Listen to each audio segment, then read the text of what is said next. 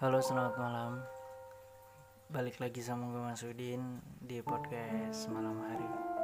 Dan kali ini gue akan sedikit ngebahas tentang Antara sayang dan posesif. Sebenarnya kata posesif mulai muncul ketika seseorang memiliki rasa sayang dengan ego yang besar. Ego ingin memiliki seutuhnya, ego ingin menjadi prioritas, ego, ego, ego. Tapi berlandaskan sayang. Jadi posesif dan sayang itu sama gak sih? Kalau ditanya kayak gitu, hmm, tergantung kita gimana nerimanya. Gini, yang dikatakan posesif itu batasan atau tolak ukurnya tuh segimana. Misalnya, dia terlalu ngekang. Harus ngabarin tiap waktu selama 24 jam. Hmm, apalagi? Contohnya itu dulu deh. Dan ketika orang lain bilang itu posesif, tapi buat lu biasa aja, ya itu masih sayang. Tapi buat lu, bukan buat orang lain. Pokoknya gini deh. Posesif adalah sebuah perlakuan yang bikin lu gak nyaman kalau yang nyaman ya enjoy berarti yang tahu posesif atau enggak itu ya diri lu sendiri. Terus kayak ada yang bilang tapi kan ini ungkapan rasa sayang. Aku nggak mau kehilangan dia. Eh iya buat lu sayang. Tapi buat dia itu posesif tuh penjara. Namanya sayang itu ya harus imbang ada porsinya. Kayak contohnya lu makan. Makan nggak bisa nasi doang kagak ada lauknya. Atau hmm, lauknya banyak nasinya dikit. Apalagi nggak minum. Seret. Mati. Makanya harus ada kepercayaan penerimaan. Itu baru namanya sayang. Pelengkap. Yang perlu kalian tahu dan gue yakin udah banyak yang paham kalau posesif itu nggak baik. Mau gimana pun alasan lo. Kalau udah jadi kata posesif ya udah jadi toxic. Cintai, sayangi pasangan lu sewajarnya. Perhatian boleh, takut kehilangan boleh. Boleh banget. Tapi biasa aja, jangan terlalu berlebihan. Karena itu justru malah jadi hmm, bakal ngerusak, bakal ngerusak hubungan lu. Dengan posesif, rasa kepercayaan lu ke pasangan perlahan hilang. Contohnya ngekang, mantauin semua sosmed dia, tukeran password sosmed, biar tahu dia di mana aja nge-like foto siapa aja nge-follow siapa aja. Nggak boleh ngumpul bareng teman-teman mau cewek maupun cowok. Kalau pergi harus ngabarin terus kalau enggak diteror wah parah banget sih. Kayaknya rasa sayang lu tuh bikin dunianya makin sempit. Bikin dia jadi terhambat dalam segala hal.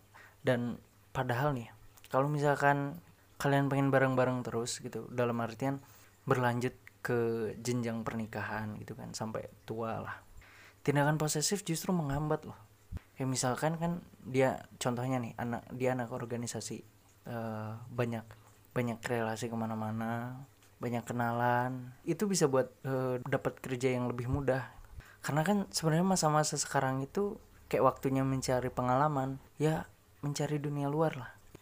Makanya aneh kalau posesif karena takut kehilangan. Kalau kata uh, siapa ya? Gue lupa anjir. Intinya mau sehebat apa pun lo ngekang posesifin dia.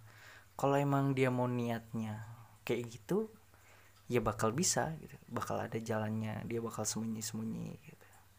Tapi sebaliknya kalau emang dasarnya dia setia ya lu bebasin gimana kayak aman. Nggak akan ngaruh. Jadi tergantung orangnya justru nih dengan lu ngekang itu jadi kayak gimana ya adrenalin. Adrenalin buat ngelakuin ngerti gak? Karena kan e, misalnya lu semakin dilarang lu bakal makin penasaran. Dan akhirnya ngelakuin diam-diam coba-coba untuk selingkuh dan akhirnya mulai berbohong dan ke sananya lu tau lah. Kuncinya ya kalau nggak mau kehilangan ya lu harus numbuhin rasa percaya. Kayak dibaratkan merpati pasangan lu merpati. Sejauh apa pun burung merpati terbang ia akan tahu tempat untuk pulang. Lu harus mulai belajar dan memahami rasa sayang bukan satu alasan untuk membebani seseorang atau pasangan lu. Lu boleh kok perhatian atau ngelarang kayak yang tadi gue bilang.